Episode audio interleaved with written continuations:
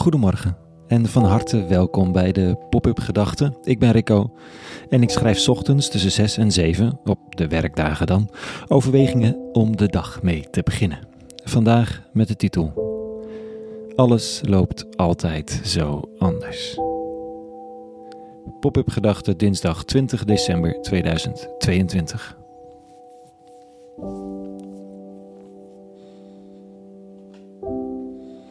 Het plan was om dominee te worden. Zo ging ik mijn studie in, 80 jaar geleden. Tenminste, zo voelt het. Ik ben van alles geworden en dat heeft ook heus te maken met wat ik studeerde. Maar dat ik dit ging worden, wat ik nu ben, vrij ingewikkeld te definiëren ook, werk ik nog aan. Dat had ik niet kunnen voorzien. Dat aan de ene kant. Aan de andere kant zal iedereen die me een beetje kende als kind ook weer niet 100% verbaasd staan. Het is niet zo dat ik chemicaliënanalist ben geworden of accountant. Vast prachtige beroepen, maar dat was echt onverwacht geweest. De belofte die zich schuil hield in mijn kindertijd is uitgekomen, maar zo totaal anders dan iemand had kunnen denken. Tot soms onbegrip van mijn omgeving en tot frustratie van mezelf, want ja, wat moet ik nou in het leven? dacht ik zo regelmatig.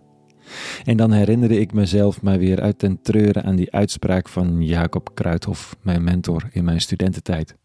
Toen ik aangaf niet te weten wat ik moest met mijn leven, of ik nou iets in de christelijke of seculiere wereld moest, evangelisch, gereformeerd nog iets heel anders, dat hij zei: Jij weet al lang wat je moet.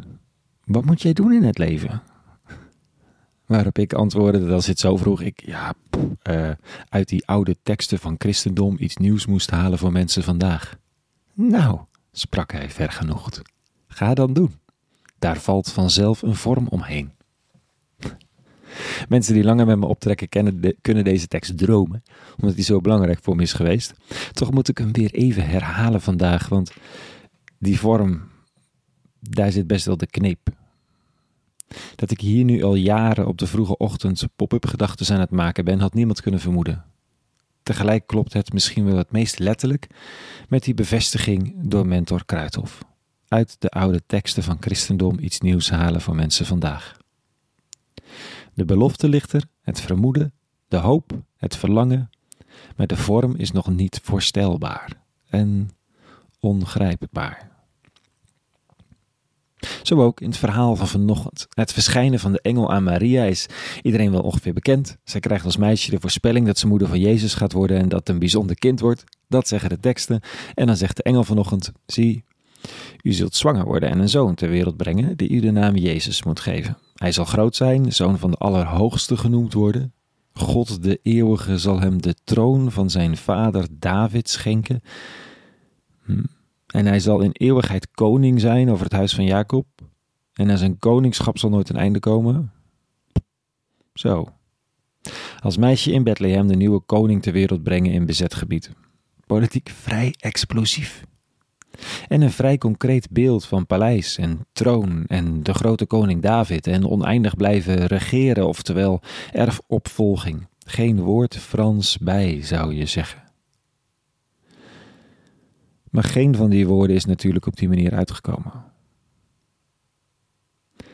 Romeinen bleven gewoon heersen.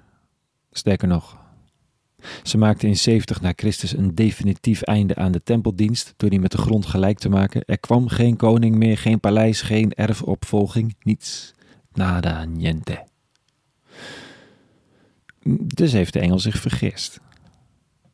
Of is niets wat het lijkt als het gaat om beloftes, voorspellingen, verwachtingen en hoop.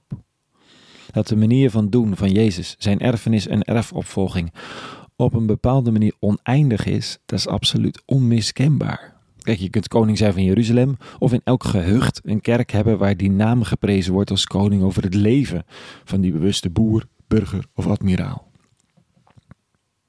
De uitkomst is oneindig veel groter dan de belofte, maar niemand kan Maria kwalijk nemen dat ze dit niet per se had verwacht omdat de beelden die bij de belofte komen zo totaal anders zijn. Er ligt hier een uitnodiging, voor mij, voor jou denk ik zo, om de beloftes die we voelen in onszelf en bij de ander volkomen serieus te nemen en de vorm volkomen los te laten. Dat er de ruimte is om dat wat geboren moet worden te laten gebeuren. Hoopvol, moedig, met aandacht, zonder de vorm en de uitkomst vast te leggen, want daarvoor is de wereld te onbekend en loopt alles altijd zo anders. Het vraagt om nieuwsgierigheid, ruimte, betrokkenheid, hoop. Maria is daarvan een voorbeeld voor velen. En terecht, denk ik zo.